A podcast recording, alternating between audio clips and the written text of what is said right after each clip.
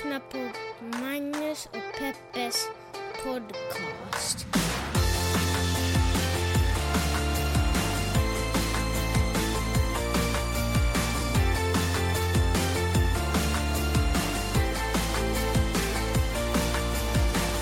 Hallå internet och hjärtligt välkomna till denna podcast som vi har valt att kalla för Magnus och Peppes podcast. En gång i tiden så hette den Vad Peppe lärt sig under veckan som har gått. Men nu lär sig inte Peppe längre någonting mer under veckorna som går. Utan... Nå, nå, nå, vi lär jag mig. Oj, vad mycket fina svenska det kommer. Gärna samma mening. Eh, den här podden eh, studerar rubriker, nyhetshändelser, världshändelser generellt, stora som små, och också ibland helt eh, privat eller personliga händelser. Och så tittar vi på de här ur ett eh, feministiskt eller mediegranskande slash journalistiskt perspektiv. Est. Så är det. Eh, hur är läget, Peppe? Tack, det är bra. Skönt. Lite förkyld som du kanske hör på min röst. Skit i det. Vilken händelserik vecka det har varit. Tänk alla stora valen och alltihopa. Alltså, Macron. Macron. Alltså, man vågade ju inte, äh, man, jag vågade ju inte hoppas att de här um, statistiska undersökningarna, de här pollarna som hade gjorts innan, kom, att de kommer hålla, som ändå tydde på att han kanske hade ett litet övertag eh, gentemot eh, Le Pen, eller heter det La Pen? Nej, Le Pen. I Spanien hade det varit La Pen kanske.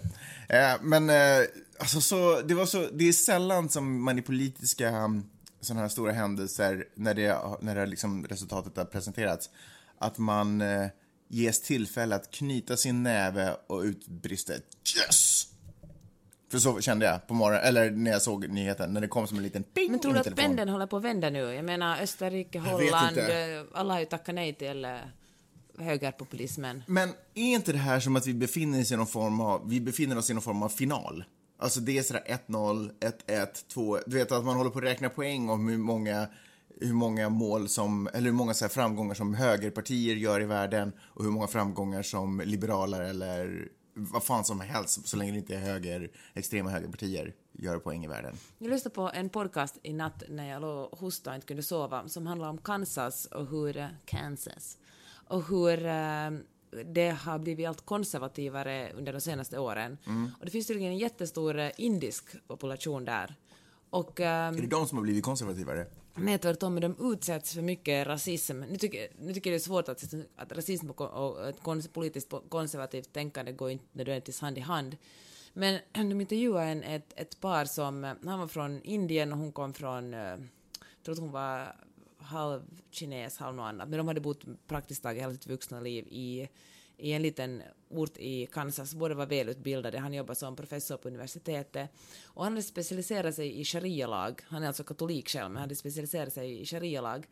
Och äh, nu har nu liksom blir vapenlagarna på många håll i USA allt lösare och från och med i år så är det tillåtet att ha med sig vapen in på campus och du kan ha vapnet Liksom, förr har man tydligen fått ha det, nu har man varit tvungen att visa upp sitt vapen. Men nu kan man ha gömma, det är okej att liksom ha ett vapen innanför byxlinningen alltså, så att man inte ser det.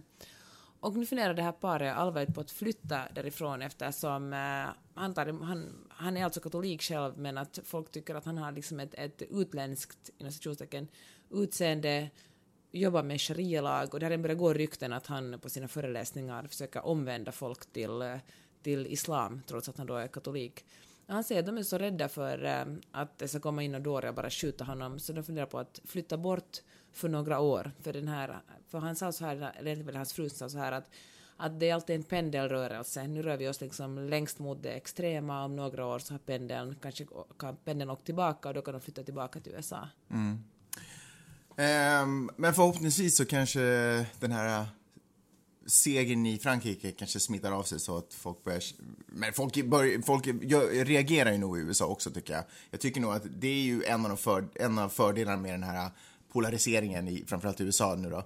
Ehm, en av de fördelarna som det har tagit med sig är ju att folk måste bestämma sig. Tidigare har politiken varit så, så mycket av en gröt, en så grå massa. Att man, det har lite varit skitsamma om den ena har suttit där eller om den andra har suttit som president. Och, men nu, nu är det så, nu är det draget så till sin extrem så det har väckt människor, tycker jag. Och det är ju Det är superpositivt. sant, men samtidigt... Också galningar, men här också positiva. Podden handlar också om, som jag sa, det handlar mindre om politik. Det var On the Media, heter den här podcasten, superbra, rekommenderar den. Men så här, det som Donald Trump, han kan kanske inte politik så bra, men han kan kultur, eller han kan, och nu menar jag liksom inte hög, kultur som i högkultur, han kan kanske inte ryska författare, men han kan, han förstår vad som, eh, han liksom förstår en viss demografi, demografis passioner, vad de liksom går igång på.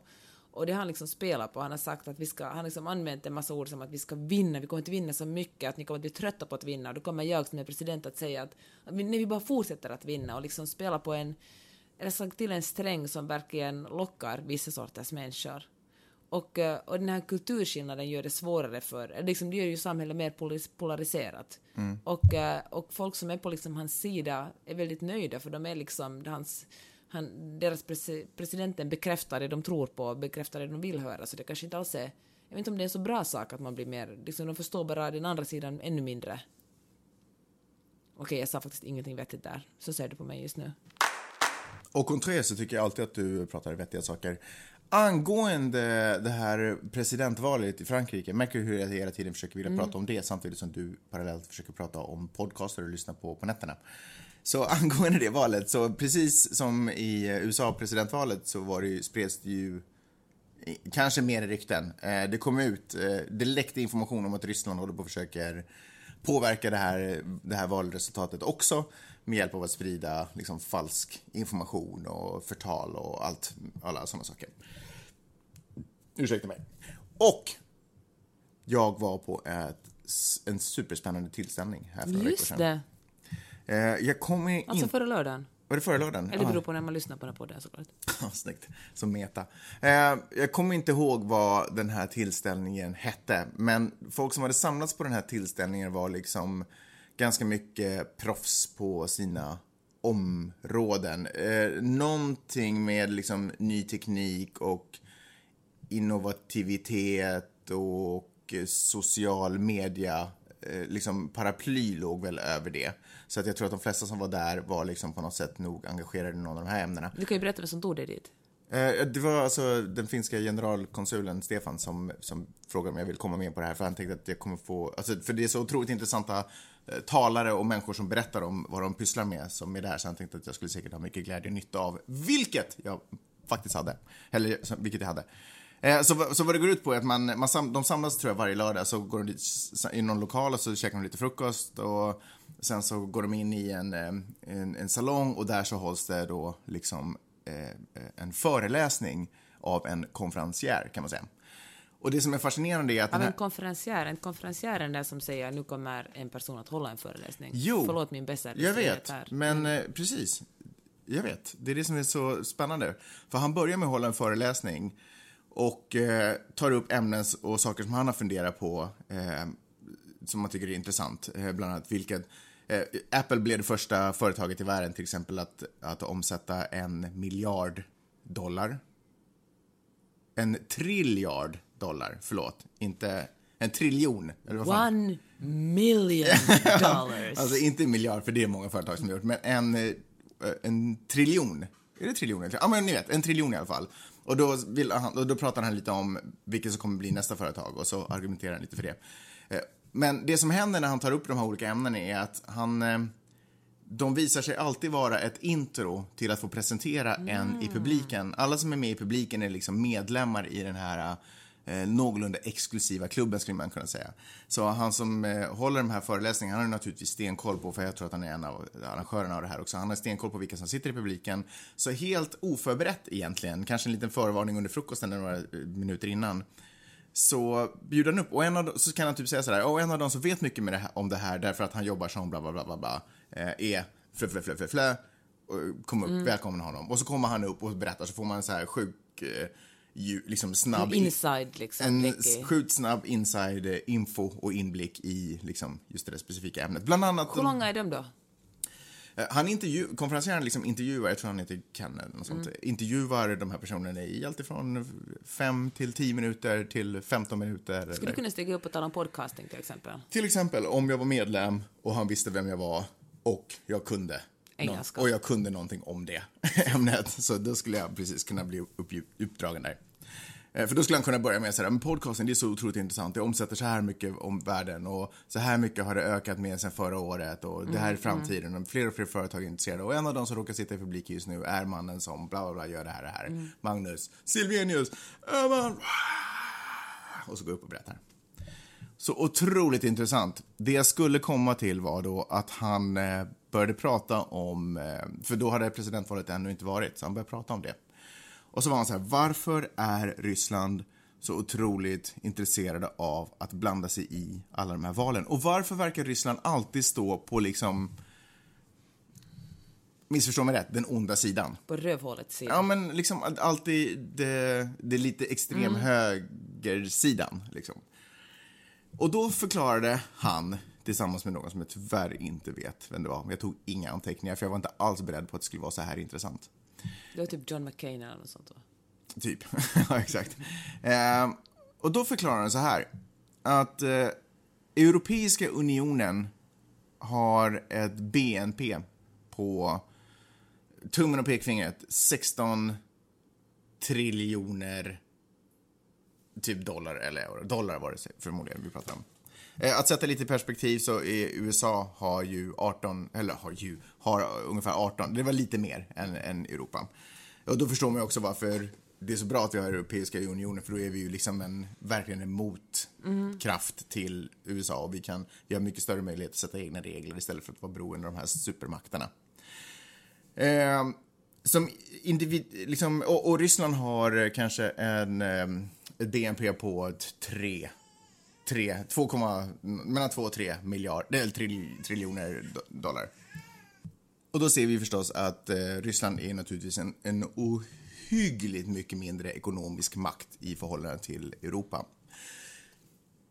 Beståndsdelarna av Europa, länder som Frankrike, Tyskland och allihopa. Jag tror att Frankrike har en eh, BNP på, de låg någonstans på två, vilket fall som helst. Summan, summan av kardemumman är, ni kan gå in och säkert och googla alla de här detaljerna själva. Men summan av kardemumman är att som individländer så är de flesta ungefär på Rysslands nivå.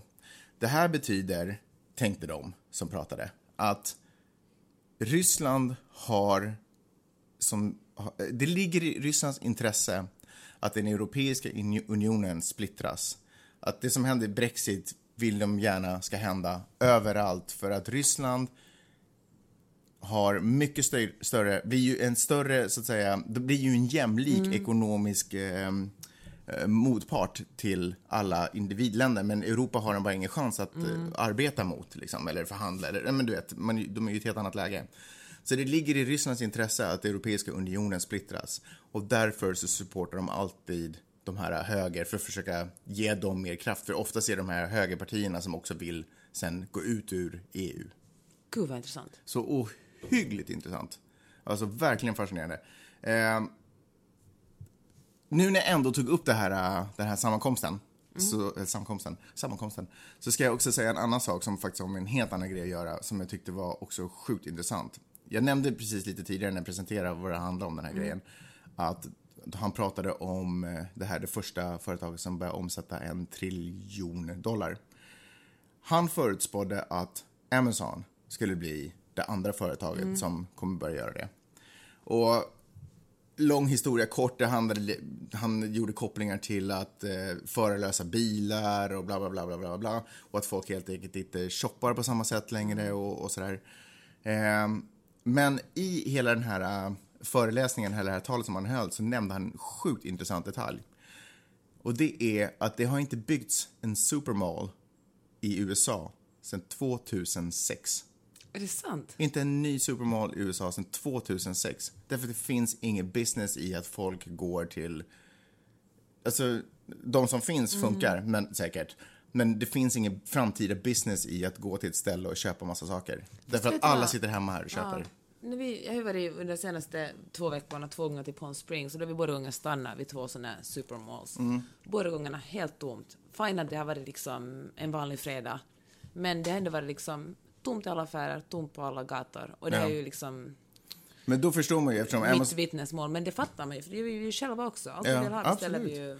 Och då förstår man ju hur otroligt framgångsrikt Amazon är. För att Amazon är en av de största Mm. Varuhusen. Men de är ju väldigt, ja, de är ju också väldigt hatade. Men de är ju ett av de få, de är Fast som, de är ju också väldigt älskade. ja, Vad är de de är ju det, men det är ju det liksom, det är som Uber, man hatar det. Va, varför hatas de? Uh, för att, uh, no, för det första, folk började med att hata dem för att de uh, sålde böcker så pass billigt så att folk skyllde en del, en orsak till att små bokhandlar stängde ner eftersom man fick böcker så mycket billigare. än Ja, men så där, så där var det ju när köpcentrum kom också. Då började de, de- ju hata det för att de slog ut de små charkuterierna. eh, Och... Uh, de, eh, alltså det är ganska snuskigt, folk som jobbar i deras warehouses får dåligt betalt och det kom ju, för, ungefär ett år sedan så var det någon som skrev, en, en, en människa som hade jobbat där, som skrev en jättelång text, text om hur virrigt det är att jobba för Amazon och hur dåliga arbetsförhållanden de är, har och hur lite de får betalt. Plus De kan att, glädja sig själva med att de snart blir utbytta mot robotar. plus att eh, Amazon är en av de företag som fortfarande annonserar på Breitbart. Mm, det är legitimt skäl att hata dem. Sen kan man säga att Jeff Bezos som äger Amazon, han gick in och köpte Washington Post. Och, och det är ju liksom, eh, det kan man ju säga vad man vill om, men, att, men han förde ju en massa pengar till journalistiken. Jag tycker att Washington Post är en väldigt bra tidning. Mm. Så att, eh, men folk är väl både onda och goda. Men jag tror att om man, äh, har ett, om man, försöker, om man driver ett företag Eller kanske man varken är ond eller god om man, ja vad fan. Menar, om, man om man driver ett företag som har liksom bruttonationalprodukt av, eller som omsätter liksom bruttonationalprodukten av ett medelstort land i världen, typ, så då är det klart att då kommer man göra massa saker som inte ser så bra ut på papper.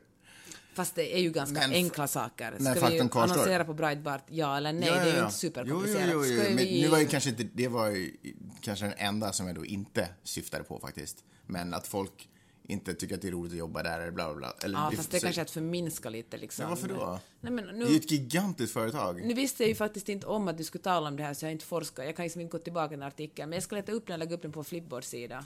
Och så kan vi ta tag i den här tråden. Anywho. Anywho, så är det ett sjukt framgångsrikt företag. och, men- och Amazons blotta närvaro och blotta existens gör att folk bara helt enkelt inte går och handlar Ja. i köpcentrum längre. Och det tycker jag var en intressant enough. detalj. Och jag tycker också det är jävligt skönt att 2006 beställa. är långt bak i tiden. Hur många år skulle du säga att det är bak i tiden? Alltså det är ju skitmånga år bak i tiden. Jag, hela min, allting som jag har gjort i min typ karriär har skett. Vi kände inte ens varandra 2006. Vi kände inte ens varandra 2006. Det är, ju- jag tycker att det är, det är sjukt fantastiskt. His någon det. Ja, jag tycker att det är Men får jag säga en snabb sak på det här? Uber hör ju till dem som säkert aspirerar. De är inte lika stora som Amazon och Apple, men de aspirerar ju. De har ju vuxit otroligt snabbt. Ja. Och, eh, och jobbar ju också med förarlösa bilar. Men Uber är ju en, eh, en fis i rymden jämfört med Amazon. Ja, det är sagt, men de har vuxit snabbare än Amazon. De har vuxit otroligt Ja, snabbt. okej. Och, eh, men, och som sagt, de här förarlösa bilar tror att de kommer att växa ännu mer. Mm. Mycket. Men du läste en superintressant eh, artikel på, jag tänkte säga Brexit, men det heter Breakit, tror jag, en, en svensk eh, tidning. Där, de hade, där en snubbe hade testat, en av journalisterna hade testat i några veckor att vara cykelbud för Uber Eats. Mm. Och han sa att han, tränar, han, han tjänar i medeltal tre eller fyra dollar i timmen. Han sa att det var liksom ett verkligen asigt jobb. Alltså, folk, eh, ja, det, var liksom, det var som att, det var samma kritik som att köra för Uber här. Liksom, man använder sin egen cykel, här och man använder sin egen bil när man kör Uber. Och, eh, och det är väldigt, eh, de tar en jättestor andel det man tjänar in. Och, men så hade han kört för, jag vet inte hur man ska uttala det, Foodora, Foodora, Foodora, Jag vet vet det motsvarande. vet. Som och så de igen, de hade liksom verkligen styrt upp det här. Då fick man en grundlön och eh, så då tjänar man liksom nästan, inte tio gånger mer, men liksom tredubbelt mer liksom än vad man gjorde för Uber Eats. Så jag tänker att det går liksom att, att ha en businessidé och bli stor men ändå sköta den på ett vettigt sätt. Nu ser du igen så här skeptiskt Ja, men mig. alltså du, du pratar så konstiga saker. Du, alltså, jag Vadå för, på vilket sätt är det För, konstigt? alltså bara frågetecken ett i mitt huvud. Jag börjar prata om hur fascinerande det är att det inte har byggts något köpcenter sedan 2006. Och du börjar prata om Uber Eats eh, möjlighet, alltså varför för de inte kom- skärper sig. Det, är- det är frågetecken ett. Frågetecken två är varför du envisats med att liksom hela tiden... För det första så har du inte granskats det andra företaget. Så här gör du. Du tar upp ett dåligt exempel från ett företag och så tar du upp ett bra exempel från ett annat företag och så säger du varför kan de här inte kombineras? Bara för att det finns ett bra exempel från, ett, från det ena företaget betyder inte att det företaget också har dåliga saker. Jag tror att det är otroligt svårt att ha ett företag i storleken Amazon, det var det som jag pratade om först. Att ha ett företag i storleken Amazon och kunna erbjuda det de erbjuder och samtidigt se till att alla som är anställda där är supernöjda. Fast jag tycker det är super eh, liksom nedsättande att säga att jaha, du, Varför är det du tycker- supernedsättande? Nej, man kan ju bestämma, hej, du, nu, är våra, nu, nu, nu har vi så här, vi betalar en, en, en vettig timlön åt er och vi, eh, och vi ger en eh, vi ger er eh, hälsoförsäkring. Det är liksom, Men, men hälsovård, det är liksom alltså, inte... om du inte vill cykla runt med Uber Eats-produkter för vad det nu var, 40 spänn för en Ja. hel dag, gör inte det då. Vet du vem det är som gör det? Ja, det är sådana som är papperslösa, som inte har några Vet andra val. Eller inte papperslösa, men folk som Om man får tro dig så och är det kommer- hipsterjournalister som bara vill testa och klämma Nej, åt företagare till Tvärtom så sa han att han var ungefär den enda som kunde tala svenska där ordentligt, utan nästan alla andra var de som kommer in och kommer in på sam... Det är de som, har, som har, annars också har svårt att ta sig in på arbetsmarknaden. Det är inte du, du och jag som medelålders, välutbildade mediamänniskor, utan det är folk som utsätts för rasism eftersom de har ett konstigt namn, inte talar perfekt Men det är väl svenska. inte Ubers fel? Nej, men Uber kan ju ändå betala folk ordentligt och vara lite mindre giriga. Det är väl samhället som ska sätta de reglerna för hur vi behandlar människor? Ja, men samhället börjar ju någonstans också. Berätta vad man talar om det här. Överhuvudtaget att, att journalister uppmärksammar sådana problem gör att folk är medvetna om det och kan sätta press Men på samhället för det. Jag tycker att, ibland tycker jag att du argumenterar, nej inte ibland, jag tycker fan du alltid argumenterar så här. Så här tycker du alltid, nej det här ska vi inte tala om för samhället ska sköta det. Avbryt inte mig! Jag avbryter mig så, så, det är så mycket lyssna, jag vill. Kolla så här, det är en fotbollsmatch. Och så går bollen Nej, ut. det är ingen fotbollsmatch. Lyssna, lyssna. Det finns ett spel som heter fotboll. Sven, så här, europeisk fotboll. Och så rullar bollen ut längs med ena långsidan. Då är det inkast. Då tar någon människa upp bollen med händerna och kastar in den. Och du blir skitsur för att någon kastar in den för att det är fusk mot andra laget. Eller det är fusk mot de som står där på planen och bara får ta emot den med fötterna.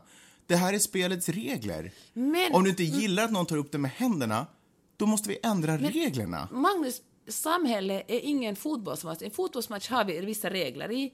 Samhället förändras ständigt. Ja. Det fanns en tid när Det man, det inte fanns lagstadgad arbetstid. Det är sant. Så var någon sådär att det här, fan, de här människorna lider jättemycket nu. Men det vara bra. Kan jag få tala till punkt nu? Du som har då var man sådär att okej, vi kommer överens om att det här, nu har vi en lagstadgad arbetstid och efter det här får man övertidsersättningar efter att det är ledig tid. Det är inte någonting som förändras av sig själv utan det är för att det finns människor som säger hej, det här företaget, nu borde vi kanske ändra reglerna lite för det här företaget utnyttjar människor uppenbarligen och utnyttjar, utnyttjar de människor som har det svårast. Och genom att diskutera det kan vi, det ske en förändring. Det är ingenting som bara Företagen kommer inte att säga åh vi tjänar en massa pengar men nu verkar människorna här längst ner på botten må dåligt så vi väljer att tjäna lite mindre pengar och lyfta upp dem. Det kommer inte att hända. Det är samhället, det är politikerna och i grund och botten vi som röstar på politikerna som måste föra en diskussion och ställa krav. Han som höll den här föreläsningen hade i alla fall en teori om att det här var liksom kopplingen då till förelösa bilar. Att sen i förelösa bilar så, för det vi har nu är att vi har ju fått in Amazon i våra smarta telefoner och sådär så att vi har ju hela tiden köpcentret med oss i fickan. Sissan sa att hon brukar sitta i trafikljus och beställa saker på Amazon. Precis, och vad, för vad är det du kan göra om du inte behöver ha händerna på ratten eh, någonsin medan du åker hela vägen till eh, Palm Springs eller Örebro eller var fan du nu än är på väg, är att du förvandlar, de vill ju förvandla ditt, din, ditt tillfälle i bilen till ett ögonblick i ett köpcentrum. Och då har de ju dessutom hela den här, du vet, vad heter det, alltså rutan, man framrutan, vindrutan som man tittar ut genom, du vet. De har ju hela den som en möjlighet att kunna visa upp saker och ting på. Det blir ju också som en ytterligare, ytterligare en skärm och därför tänkte han att Amazon kommer vara nästa företag som, som glider in över en triljon-gränsen. Men eh, det är väl säkert mitt fel det också. Du är din neoliberala ka- kapitalistsvin. Hej! Har du frågor och kommentarer så kan du mejla min mamma och pappa på Magnus och Peppe snabel A, gmail.com. Gör det!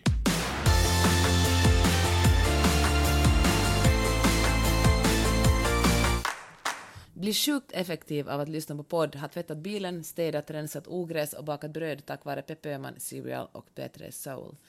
Man får en massa trist ur vägen och fyller på huvudet med era smarta insikter. Perfekt, säger Victoria Ekberg. Tack Victoria! Tack Victoria, alltså, så himla roligt när ni hör av er och det vet ni, det kan ni ju alla göra. Det, det, det, vi diskriminerar inte, alla får höra av sig och säga precis vad de vill. kan man antingen göra det på mail, Magnus och Peppe gmail.com eller eh, så kan man ju eh, twittra, precis som Victoria. Men man kan också gå in och lämna en kommentar på iTunes, så gärna också en recension förstås. Fem stjärnor är det enda vi accepterar. Eh, så eh, gör det, sprid ordet och hjälp oss eh, höras. Vi hörs. Elefanten i rummet heter James Comey idag. Jaha. Vet du vem det är? det är F- eller före detta FBI-chefen. Som Trump gav sparken åt. Yes sir. Ganska eh, överraskande kan man tro. Och eh, han tydligen fanns, uh, befann sig, James Jim som han kallades, kom här i Los Angeles när han fick eh, se på TV att han hade fått sparken. Och eh, Trump hade tydligen skickat sin uh, livvakt med ett personligt brev till FBI och så läckte det här ut. Och eh, det här är ju, hans, och Trump säger att, att, att Comey fick sparken på grund av eh, att han inte skötte riktigt, det han skötte inte bra med Hillarys e-post i oktober, november. Vilket i och för sig är sant, Det är sant. säga. Och det roliga är att i oktober-november så hatar ju alla demokrater Comey eftersom bara några dagar innan valet så öppnade han upp undersökningen kring eh, Hillary Clintons e-mail igen. Mm. Och många säger att det var därför som, som Clinton förlorade valet eftersom folk började misstänka att det på riktigt var något fuffens på gång med e-mailen. Så Mm. visade det sig att det inte var det. Framförallt Clinton själv tyckte det. Ja, men säkert många av hennes anhängare också. Säkert. Kanske man skulle tro. Det är ju det anhängare ofta gör. Och eh, nu har många, folk blir liksom, jag tycker det är intressant för det händer ju i det här Trumpland, det händer ju saker precis hela tiden. Ja, och det, verkligen. och det är nästan så att vissa, man liksom blir så van vid det som man äggar inte upp sig lika mycket som i början. Mycket roligt när man lyssnar på en massa nyhetssändningar och, eh, och speciellt på politiska podcaster för att eh, se hur eh, de politiska journalisterna i podcasterna reagerar. Och nu är de ju hysteriska nästan. Alltså, det sattes in extra sändningar och och folk liksom, det var en stor grej. Och, och då förstod jag också exakt hur stor den grej det var. För att skulle, det, skulle folk inte varit så upp, jätteupprörda så, så skulle man bara säga att ja, det här var en vanlig Trump-grej. Och, eh, och då sa man att det här liksom, folk drog ju paralleller till Ryssland eftersom James Comey undersökte Trumps band till Ryssland och eh, om, om Trump visste om att, att Ryssland blandade sig, det som du talade om tidigare också, att Ryssland blandade sig i de här presidentvalen. Och då främst alltså de amerikanska presidentvalen. Och eh, då har han också blivit jämfört med, eller man har dragit mycket paralleller till Nixon. För Nixon gav inte sparken av FBI-chef men till en man som heter Archibald Cox som var åtalare och eh, undersökte Nixons fufferier. Och, eh, och, eh, och säger att nu är det exakt samma sak som händer här, men Nixon måste ju avgå och kommer det här liksom att vara ett steg mot, mot Trumps avgång för att så här gör man bara inte. Han har tydligen, Trump har tydligen, hade tydligen helt en liksom juridisk rätt att avsätta FBIs äh, eh, chef. Men, äh, men det räcker ibland liksom, det som är juridiskt okej räcker inte ibland, det kan liksom ändå se politiskt så fult ut att en president måste avgå trots att, att lagen har inte gjort liksom någonting olagligt.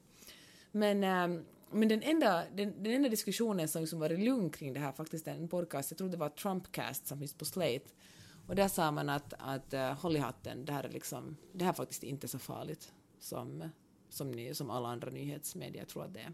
Vad tycker du? Tycker du att liksom, blir du chockerad?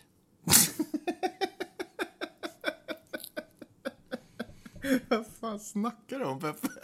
Vadå? Först så gör du en tio minuters redovisning av vad andra medier säger och sen så kastar du över bollen till mig och Ja. frågar vad jag tycker om det här. Jag går emot vad alla andra journalister och nyhetsmedier i USA har rapporterat om. Jag har en helt annan åsikt. Men kan du liksom leka med tanken, tror du det här kommer, kommer det här att vara liksom ett steg mot Trumps impeachment? Alltså, folk, eller så här, typer som eh, Michael Moore och, och, och andra liknande typer har ju sagt att det som egentligen pågår nu är en form av statskupp. Eh, att Trump, eh, för Trump, att, att Trump just nu sparkar FBI-chefen har ju ingenting med eh, att eh, Trump, eller att FBI, att, att han hade misskött eh, Hillary Clinton-undersökningen. Det har ju bara att göra med att han försöker bromsa undersökningen av sin, e, inte av sig själv som person, men av sin egen kampanj under presidentkampanjen, eller presidentvalskampanjen. Eh, och att han nu, eh, och nu är ju sådär ögonen också på vem är det som kommer bli den nya FBI-chefen, för den här nya FBI-chefen kommer ju bli Donald Trumps, alltså FBI är ju Donald Trumps polis. Liksom. Fast det är väl inte hur lätt som helst för honom att välja en. Det måste ju gå genom senaten. Förstås, absolut, liksom, absolut. Alla har, alla Inte har riktigt så mycket bananrepublik är det här ju inte ännu. Nej, nej, men det stämmer i och för sig. Men vilket fall som helst så har ni nu satt halt på de här undersökningarna på sin egen, på sin egen person. Men det sagt så finns ju allt material ännu. Det är ju inte så liksom att allt material har försvunnit i och med att James Comey har, har fått sparken. Nej, men, nej, det är sant. Men vadå? Om nästa FBI-chef är sådär, nej men jag ser ingen värde i det här materialet. Okej, okay, bra. Då, då är det där. Då är det ju slut på den undersökningen. Men kan inte James Comey till exempel vittna som en privatperson? Mm, kanske. Det ska han väl också förresten, om jag inte minns helt fel faktiskt.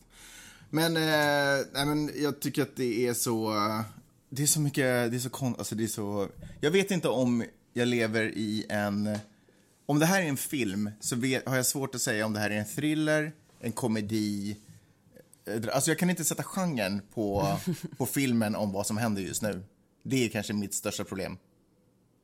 Förstår du vad jag menar? Jag förstår. När, när Obama var president, då var det för mig liksom, jag ska inte säga att det var en romantisk komedi, men det var liksom en, det var drama liksom med en, med en positiv och härlig twist, liksom. En feel good drama mm. på något mm. sätt. Eh, och nu så är det, jag, liksom, jag får inte riktigt, det, det stör mig att jag inte riktigt kan, för det är så fruktansvärt, jag, liksom, det är så fruktansvärt det som händer därför att han är på så hög position och har så mm. otroligt, otroligt mycket makt. Och han bara lajar runt och skickar iväg sin eh, totalt inkompetenta dotter eh, till stora möten och ska, alltså, har hennes, alltså det är bara, det är fucking bananrepublik, det är exakt vad det är. Det här är problemet, du vet alla tyckte det var så himla bra att man valde en företagsledare så får han ordning på ekonomin och sådana saker. Men grejen är att man kan inte driva ett land som ett företag. Det är liksom, det är två olika saker och det finns en anledning till att det ska vara två olika saker. Men det är exakt det han gör. På ett företag kan man säga, man kan ju ge sparken åt en mellanchef ja. och så behöver man aldrig mera se den. Här, han plockar sin lilla låda, sätter sin kaktus in i lådan och bilder på barnen och så går han ut så behöver man aldrig mera se honom. Men... Och precis som Amazon så kan man, eller Uber så kan man behandla sina anställda lite hur man vill. För någonstans kan man alltid, man kan alltid dra kortet att om du inte är nöjd så kan du alltid dra och försöka hitta någonting annat bättre. Men i ett samhälle så kan vi inte dra någonstans. Så därför så måste fokus vara att ta hand om våra medmänniskor. Sen kan ju hoppas att företag också har den inställningen, men det är inte per definition nödvändigtvis så. Förstår vad jag menar? Mm. Låt mig ta ett exempel faktiskt från... Eh, från nyhets... företagsvärlden? Från företags... Nej. Jag tänkte ta ett exempel från eh, underhållningsvärlden. Du hade delat en grej på Flipboard. Där kan ni förresten gå in och kolla på roliga saker som Peppe delar. Där samlar jag allt jag tycker är intressant. Ja. Eh, du hade delat en grej på Flipboard där, eh, där det står att Nicki Minaj eh, betalar en massa studielån. Nicki Minaj paid off dozens of fans student loans last night. Och det här är det som jag tycker är skillnaden på när man driver ett land kommersiellt och när man driver ett land som ett samhälle. Mm. Och det är att det är ju magiskt att Nicki Minaj betalar av folks studielån och hjälper sina medmänniskor. Hon är ju en hjältinna, det är ju fantastiskt. Men i ett samhälle så är det ju inte hennes jobb. Men det här samhället här i USA är så uppbyggt, och som nog också sprider sig eh, utöver, mm. runt i västvärlden, är att samhället som drivs kommersiellt är liksom beroende av de här hjältarna som gör saker och ting. Och ett mm. samhälle kan liksom inte byggas på hjältars insats. För sam i ett samhälle så är vi alla hjältar därför att vi alla hjälper varandra. Förstår vad jag menar? Men, men, kom, mm. men kommersiella företag, de kräver de här idoldyrk. Det är den här företagsledaren som drar företaget dit. Det är den här personen som gjorde ditten datten. Det är Richard Branson. Det är ja, liksom, säljaren ja. som bara knäcker grejer. De här visionärerna, det är de, Musk, alla Elon de. Musk, ja. Det är alla de här äh, hjältarna som gör saker och ting. Och det är liksom inte... Och det, jag tycker bara det faktum att det här är en rubrik i, i mm. världen just nu är liksom ett så tydligt tecken på att det här landet är helt ute och cyklar. Fast vet du, jag må faktiskt, det, det tog, tog mig länge innan jag fattade hur ruttet det egentligen var det här systemet. För när vi, när vi flyttade till USA tänkte jag att det var, så här, att det var liksom lite fint i att folk eh, var så engagerade i välgörenhet. Och folk är mm. ju verkligen det. Folk donerar massa pengar till välgörenhet och ställer upp. Och, och jag tänkte så här att, att jämfört med, eh, med Norden, när människor tänker så att men jag betalar skatt så det, jag, gör, jag gör mitt, jag behöver liksom inte ge pengar på något annat sätt. Jag behöver liksom vet du, Röda Korset och nu ger ju folk också till Röda Korset såklart, men, men att det är ofta en ursäkt att inte engagera sig på annat sätt, för mm. man säger att jag betalar mycket skatt. Medan man i USA har liksom en, en kultur av att hjälpa varandra och donera pengar. På att, individnivå? Exakt. Men, men alla de man hjälper är ju också handplockade av en själv. Exakt, liksom. men exakt, man får se det. För så jag tänkte att, men att det finns någonting liksom, jag tyckte faktiskt att det fanns något fint i den här kulturen att, äh, att liksom ja, att, att utöva det, för man betalar ju också skatt här, sen att skatterna går till liksom, i och för sig infrastruktur, men mycket till krig och en massa korruption är ju en annan sak. Men, men nu, först, nu först på de senaste åren har jag fattat att, att, att det att man donerar mycket till välgörenhet gör att man får en massa skattelättnader. För allt som man donerar kan man dra vid skatten. Och det är ett otroligt komplicerat system. Deras skattesystem är verkligen mer komplicerat än hälsovårdssystemet som är ju otroligt komplicerat. Det sa till och med Donald Trump. Och, eh, men då tänker jag så här att, att vilket så ruttet det är att de verkligen bygger upp ett system där folk donerar massa pengar och så donerar de för att kunna dra av det i skatterna så man kan tjäna liksom, man kan tjäna mycket pengar, donera pengar och så och de som har mest får störst skattelättnader. Medan, eh, och som du sa, de som donerar kan man också handplocka, jag vill ge till den här personen, den där personen, eller jag vill ge liksom till fenlösa delfiner ute i Stilla havet, men jag är inte intresserad av att uh, ge till den här skolan uppe ute i det här snuskigt dåliga, fattiga området. Mm. Men det här landet har ju ett enormt så här, superhero-komplex. Vi vill ju ha, det är ju liksom skap, systemet är skapat för att de här individerna ska kunna få skina och göra fantastiska saker. Och sen ska alla titta på de här människorna som skiner och gör fantastiska saker och också vilja vara dem och försöka i bästa fall sträva till att bli dem. Eh, Det finns ju ingen, det finns ju ingen grupplojalitet, det finns ju ingen eh, solidaritet, det finns ju inget...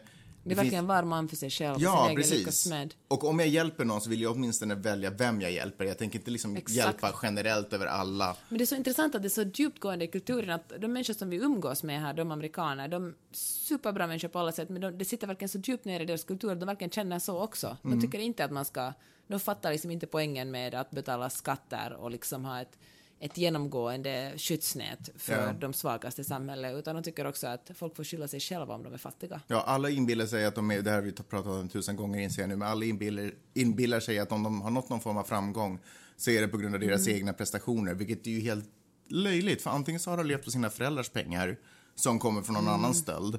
Eller så har de fått något stipendium som kommer från någon annans donation och stöld eller något liknande. Så det är liksom, ingen här har ju egentligen lyckats själv. Nej.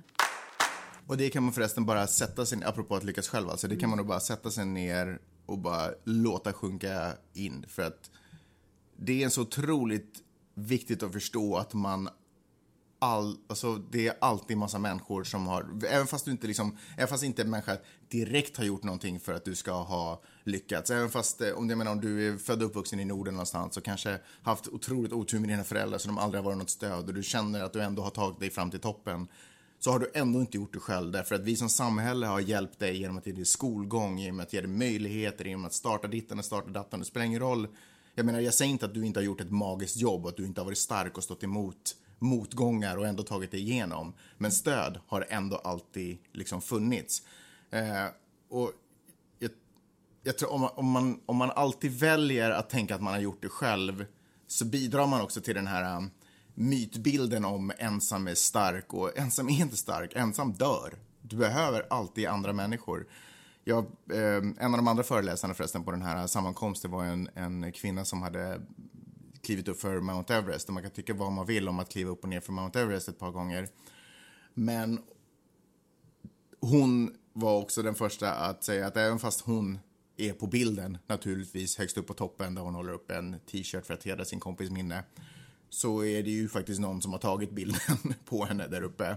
Det är någon som har hjälpt henne bära upp väskor och, och proviant och vad fan man nu behöver på väg upp till toppen. Det har funnits ett gäng sponsorer som har styrt upp eh, möjligheterna att liksom köpa alla grejer hon behöver för att ta sig upp till toppen. Men ursäkta nu, men hon, står hon högst uppe på Mount Everest och hedrar minne av någon som har dött på Mount Everest? Nej, inte på Mount Everest. En annan kompis som ville kliva upp på berget med henne, men som dog innan i cancer. Men på vilket... Okej, vi kan ta det här en annan gång, men jag tycker det är så urbota dumt alltså att, Varför då? att man satsar... Vad har du för problem nu med saker jag säger? Jag vet inte var jag ska börja, men vi börjar med Mount Everest. Alltså att man ska... Får jag bara säga att just det här viktiga att man, man är aldrig ensam. Och bara att acceptera och förstå. Och vara tacksam också för det stöd som finns runt omkring en. Håller fullt med om det. Så berätta vad du har emot bragden att kliva upp på Mount Everest. Jag får ju, alltså, folk får ju syssla med vad de vill. Jag åker ju och rider flera gånger i veckan och jag kan ju inte säga att det, jag gör gott för någon alls, annan än mig själv, för jag tycker det är underbart.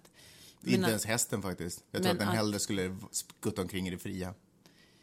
Jag tror faktiskt att, den- att den skulle dö av svält i det fria. Men Mm. det kan vi också ta en annan gång. Men fair enough, jag gör det bara av egoistiska skäl. Men att klättra upp på Du menar sådär som slavar inte heller skulle klara sig själva om man bara släppte dem? Nej men Magnus. Just saying. i alla fall, fine, okej, jag slutar rida då, om det du vill, om du vill göra mig olycklig. Men att klättra upp på Mount Everest, alltså, folk får som sagt syssla med vad de vill, med att klättra upp för, och säga att man gör det för någon annans skull, för att hedra en annan människa, fuck that, ursäkta nu, det är bara superegoistiskt. Alltså alla, det var ju inte för hemskt länge sedan det dog en massa skärpor som hjälpt, som bar upp folks rika västerlänningars grejer upp på det jävla bergshelvetet. Folk dör ju hela tiden. Man får göra vad man vill, men om man har familj till exempel och sitter hemma, varför vill man göra det? Varför vill man riskera sitt liv bara för en grym egotripp? Bara för att visa för världen och sig själv att man kan göra någonting helt crazy. Okej, jag men- fattar men att, vänta, okej, men- jag bara, jag Nej, fattar vänta, att det kommer en massa, det är en turistgrej, det kommer fel. massa Premissen är fel. till, vadå fel? Du kan Nej. säga, det är din åsikt. Nej, premissen är fel därför att jag kanske var otydlig för jag tänkte inte att du skulle haka upp det på det. Men hon kanske inte nödvändigtvis besteg berget för sin kompis skull. Men hon eh, visste att hennes kompis gärna hade också bestigit berget så hon tog med sig en del av sin kompis för att liksom, alltså, i form av t-shirt. för att liksom sen när hon är på toppen så, tog kun- så kunde hon och hennes kompis liksom Mukamas vara där på toppen tillsammans. Så jag tror inte att hon nödvändigtvis besteg det för kompisens skull. Men hon gjorde ju allt, det är ju en så otroligt egoistisk handling. Det är ju, inte, Vadå? det är Att- ingenting vad? annat Att vad? att bestiga Mount Everest. Det är liksom, fine att det är egoistiskt att rida, men det, att bestiga Mount Everest är liksom så otroligt mycket. Okej, men det är så här, Nepal får in en massa fyrk genom att folk, det kostar ganska mycket att, att, för att få tillstånd att klättra upp. Men om man, om man verkligen bryr sig så mycket om det här fattiga landet, fan, jag har en idé, ta egna sponsorpengar och donera dem i så fall. Bygg en skola eller något sånt. Men det är kanske bergsbestigningen som hon älskar. Ja, men det är fine, det får hon göra, men liksom säg inte att man gör det för någon annan. Det är Nej, men liksom, det, det kanske, vadå, men nu drar du spin-off på någonting som kanske inte ens var sant. som du bara sa alltså. Nej, men som Ja, jag, men- jag förenklar en historia bara för att komma vidare till min point, att man inte är ensam på toppen. Att man Nej. inte har, man har inte gjort allting själv. Man har fått hjälp och stöd på vägen för att göra någonting så anmärkningsvärt som att bestiga världens högsta bergstopp. Ja. Ja, ja. Men vad är ditt, vad är ditt problem? Vadå? Varför får hon inte... Jag tänker på att det är så, som så farligt för också de som hjälper upp henne. Det, det är ju som en otroligt farlig klättring som man, som man gör liksom av ren egoism bara. Det är ju... Jag, jag liksom... Men kolla, jag tänker så här. Jag tänker att människor är, är födda till olika saker. Vi är inte alla stöpta i samma form fast vi ser någorlunda likadana ut. ja, håller med om det. Jag tror att ens hjärta är på olika platser och jag tror att om, om vissa människor, och jag tror att anledningen till att vi är stöpta i olika form är för att vi ska på olika sätt kunna studera och lära oss om livet. Du älskar ridning så du får säkert ut någonting livsbejakande som du kan på något sätt ta med dig och föra vidare till våra barn genom att rida. Och jag vet inte riktigt vad jag tycker om att göra men vad jag nu än gör så är det väl det. Sova och kolla på Netflix och dricka vin. Och, vad, och, och så är det väl det på något sätt som jag får ut någonting livsbejakande ut och, och lär mig saker och ting som jag sen också i min tur kan föra vidare till mina barn. Och andra, ehm, och andra älskar berg och, och, och det, det ger, vad det nu kan vara. Vissa kastar sig ut från flygplan också, det känns ju Ja. också lite galet. Men, men jag tror att det som om man inte får göra de här sakerna, om det sitter en präktig liten typ i randig tröja och på hörlurar i en podcast och säger att det där är sjukt egoistiskt, det där borde man inte ägna sig åt, så bidrar man kanske till att istället för att, jag förstår vad du menar, jag fattar hela tiden, om man drar det ekonomiska och man ser alltihopa och, och människors lidande, jag vet inte riktigt någonting där, men om man drar det till det så det är klart att det finns andra saker om det var det som var syftet, men om syftet är att få uppleva eh, att, att få studera livet genom det som man kan och det som ens hjärta förstår att tolka. Vissa behöver skriva dikter, andra behöver göra musik, någon behöver måla Men jag tänker att så jag man- tror att det var ett sätt att uttrycka sin... Jag fattar Förstår du vad jag menar? att- ja, jag Om man förstår vingklipper det. människor, om man Men inte tillåter dem man göra det. Men, men liksom allt det där som du räknar upp gör man ändå ensam. Jag menar att, att som du sa, att klättra upp för ett berg, så det, är man liksom, man liksom, det är så många andra människor som är involverade i det och så mycket pengar och så... Fast pengar smänger, alltså jag förstår inte. alltså, ja, Ja, i princip, fine, okej, fair i enough. princip ska fattar jag det, men Ja, fine, liksom, jag kan Nu ju också inte pengarna donera från- dem mina ridlektionspengar till välgörenhet istället för Det är ju inte- Det håller jag med om. det är ju inte fattiga, det är ju liksom, hon var ju sponsrad av Ford. Det är de liksom...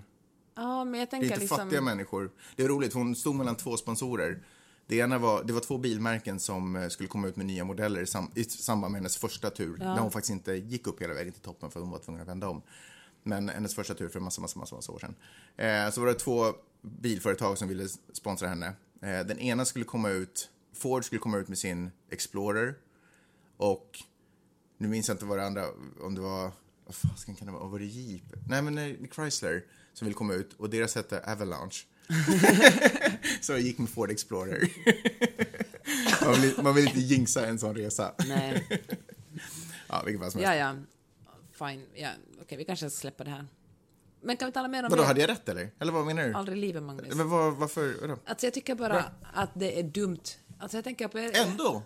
Men alltså, jag tycker på riktigt, det var ju, alltså, som sagt så var det ju inte för hemskt många länge sedan, helt oskyldiga skär, liksom, om hon dör eller om man, om man liksom tar livet av sig när man gör någonting bara för att liksom smeka sitt ego, så är det ju, det är ju ens eget problem då. Men tänk om man har barn eller, eller liksom, okej om, man har, om man lever med en annan vuxen människa så, det, så kan de ju diskutera det hemma i sitt kök. Det är liksom, men, Fast nu pratar du också om kärpor som om det vore ett, ett, folk, ett slavfolk som bär upp rika människors väskor. De kanske också älskar bergen och att vara på bergen är deras liv. Det var faktiskt eh, hon, eh, samma kvinna som besteg Mount Everest då, hon, eh, hon berättade att hon håller på med en dokumentärfilm som faktiskt handlar om den första kvinnliga Sherpa som någonsin besteg toppen. För det var väldigt länge ansågs det inte vara någonting som kvinnor skulle göra utan det var män som bara fick gå upp på toppen. Och hon såg alla de här männen bara, "Åh, fan jag vill också gå. Ja. Och sen så efter ett tag så lackade hon och så gick hon till sin regering typ och så var hon sådär, men kom igen, vi, vi tar ju till och med upp de här kvinnliga, alltså europeiska kvinnorna upp till toppen och vi får inte ens själva gå upp till toppen, så kom igen, kan vi, kan vi försöka ändra det här? Och sen så gjorde hon, lyckades hon få igenom en, en förändring. Eh, Jag vet inte om det var på lagnivå, men hon lyckades åtminstone få tillåtelse att bestiga toppen. Fast- Och så tog hon sig upp till toppen, tyvärr så dog hon i och för sig. Men...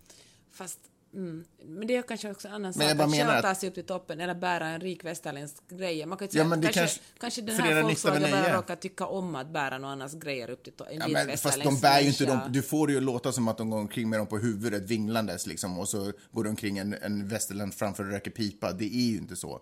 Det är ju ett team där de här ingår. De hjälps alla, de får ju vara del av en team. Kanske det är ett sätt att... Jag vet alldeles för lite om det här för att uttala Okej, mig. vi forskar mera innan vi får... Men jag väljer att inte ta den pessimistiska attityden som du har. Du kanske förenar nytta med nöje. Det är ju ett sätt för all... Jag vet inte, det kanske finns en vinst för alla. Jag tror inte att de är liksom... Om de inte hade velat gå upp dit så tror jag inte att de hade liksom hotats och kidnappats och dragits upp dit med våld. Nej, men det är säkert en massa pengar. Det är ett superfattigt land. Jag menar, jag tror att man som en Absolut. skärpa tjänar man har säkert supermycket mer pengar och då kanske man är lite mer benägen att riskera sitt liv. Du menar att om alla kärpor var asrika så är det ingen jävel som skulle vara upp på Mount Everest? Nå, kanske de ska gå ur det själv utan att hänga med några västerlänningar. Kanske. Kanske Mount Everest äntligen skulle få den respekt den förtjänar. Läkarmissionen var här i LA i förra veckan och berättade om hur man kan hjälpa fattiga kvinnor i Demokratiska republiken Kongo att få en säker förlossning. Och då hjälpte jag och min kompis Sissan till att ordna en liten brunch på Finlands konsulat här i Bel Air.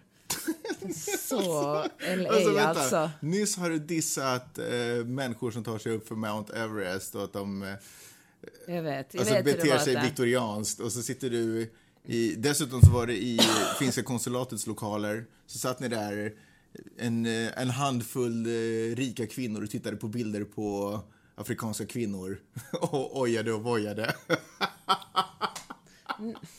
Fan, jag vet hur det låter. Men, jag vet, men, om, men om, om Hanna från Läkarmissionen inte ska vara här och berätta om hur det är att föda barn i Demokratiska republiken Kongo så skulle jag faktiskt aldrig ha vetat det. Eller någon annan av kvinnorna där. Eller någon av som läser de här kvinnornas bloggar eller Instagram. Så jag tycker faktiskt att det var en ganska bra grej. Och, eh, så jag, jag ville bara säga att jag tycker att välgörenhet, man kan betala skatt och ändå ge, göra välgörenhet. Man behöver liksom inte känna att eh, jag har gjort mitt, punkt slut. För att för så lite som 15 dollar så kan man köpa en säker förlossning för en kvinna. Och Det- om jag inte är helt missinformed så går hemskt lite av vår skatt till att hjälpa just dessa kvinnor. Om ens någonting. Nej, men precis, och många av de här länderna har ju inte ens... Nej, det, USA har ju ett sunkigt syst- hälsovårdssystem, men det, de är ju liksom nästan som många länder i Afrika, där man liksom, det inte finns någon chans att få hjälp. Man folk föder barn hemma och så dör babyn, eller så dör man själv bara för en pytteliten komplikation som, kunde, som kunde liksom styras upp.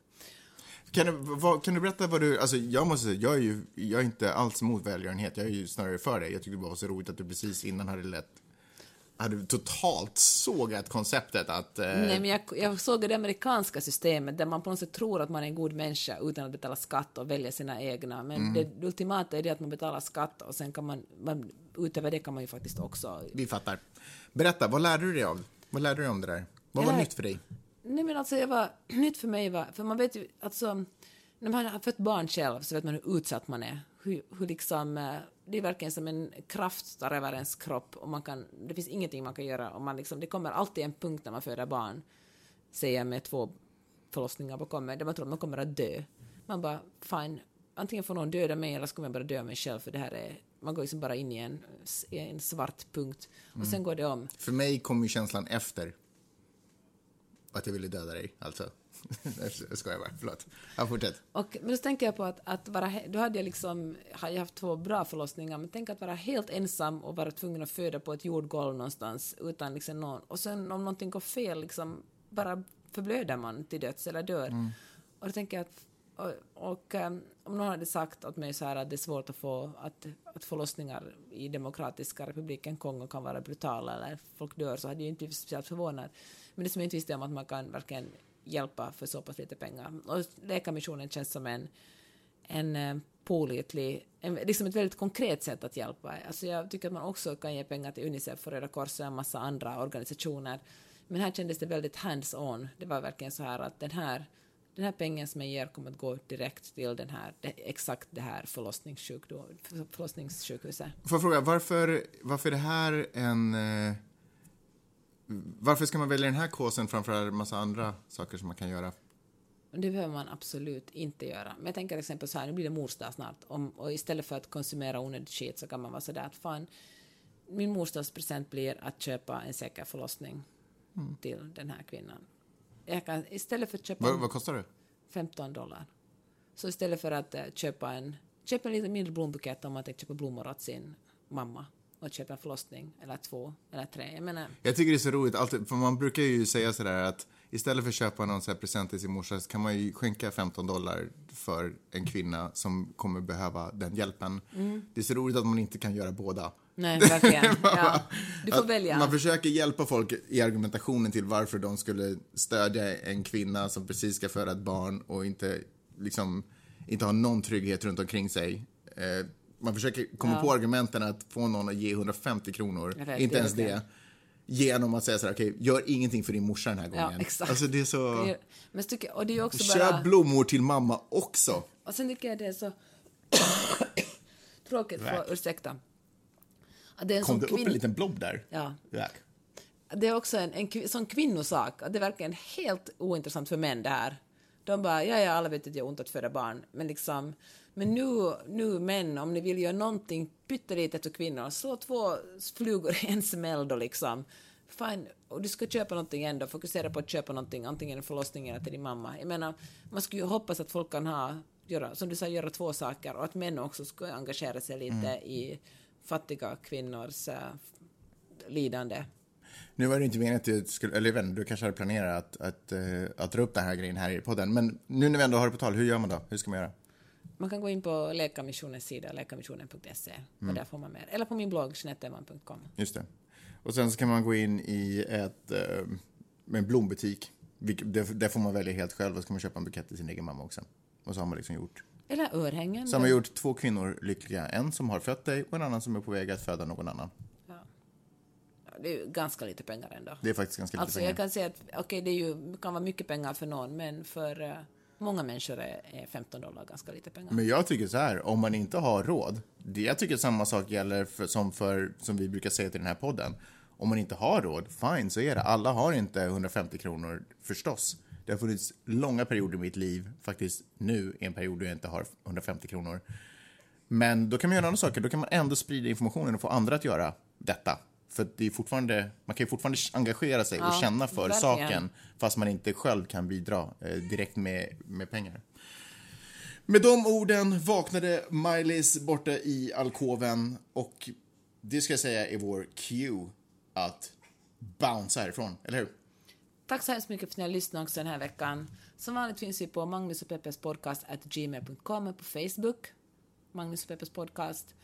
Och uh, de som, ja, så får ni väldigt gärna betala 86 för det här cent för det här avsnittet. Okej, det var inte jättebra, se inte på mig sådär. 86 cent kostar det. Ha det så bra, hejdå! Hej då!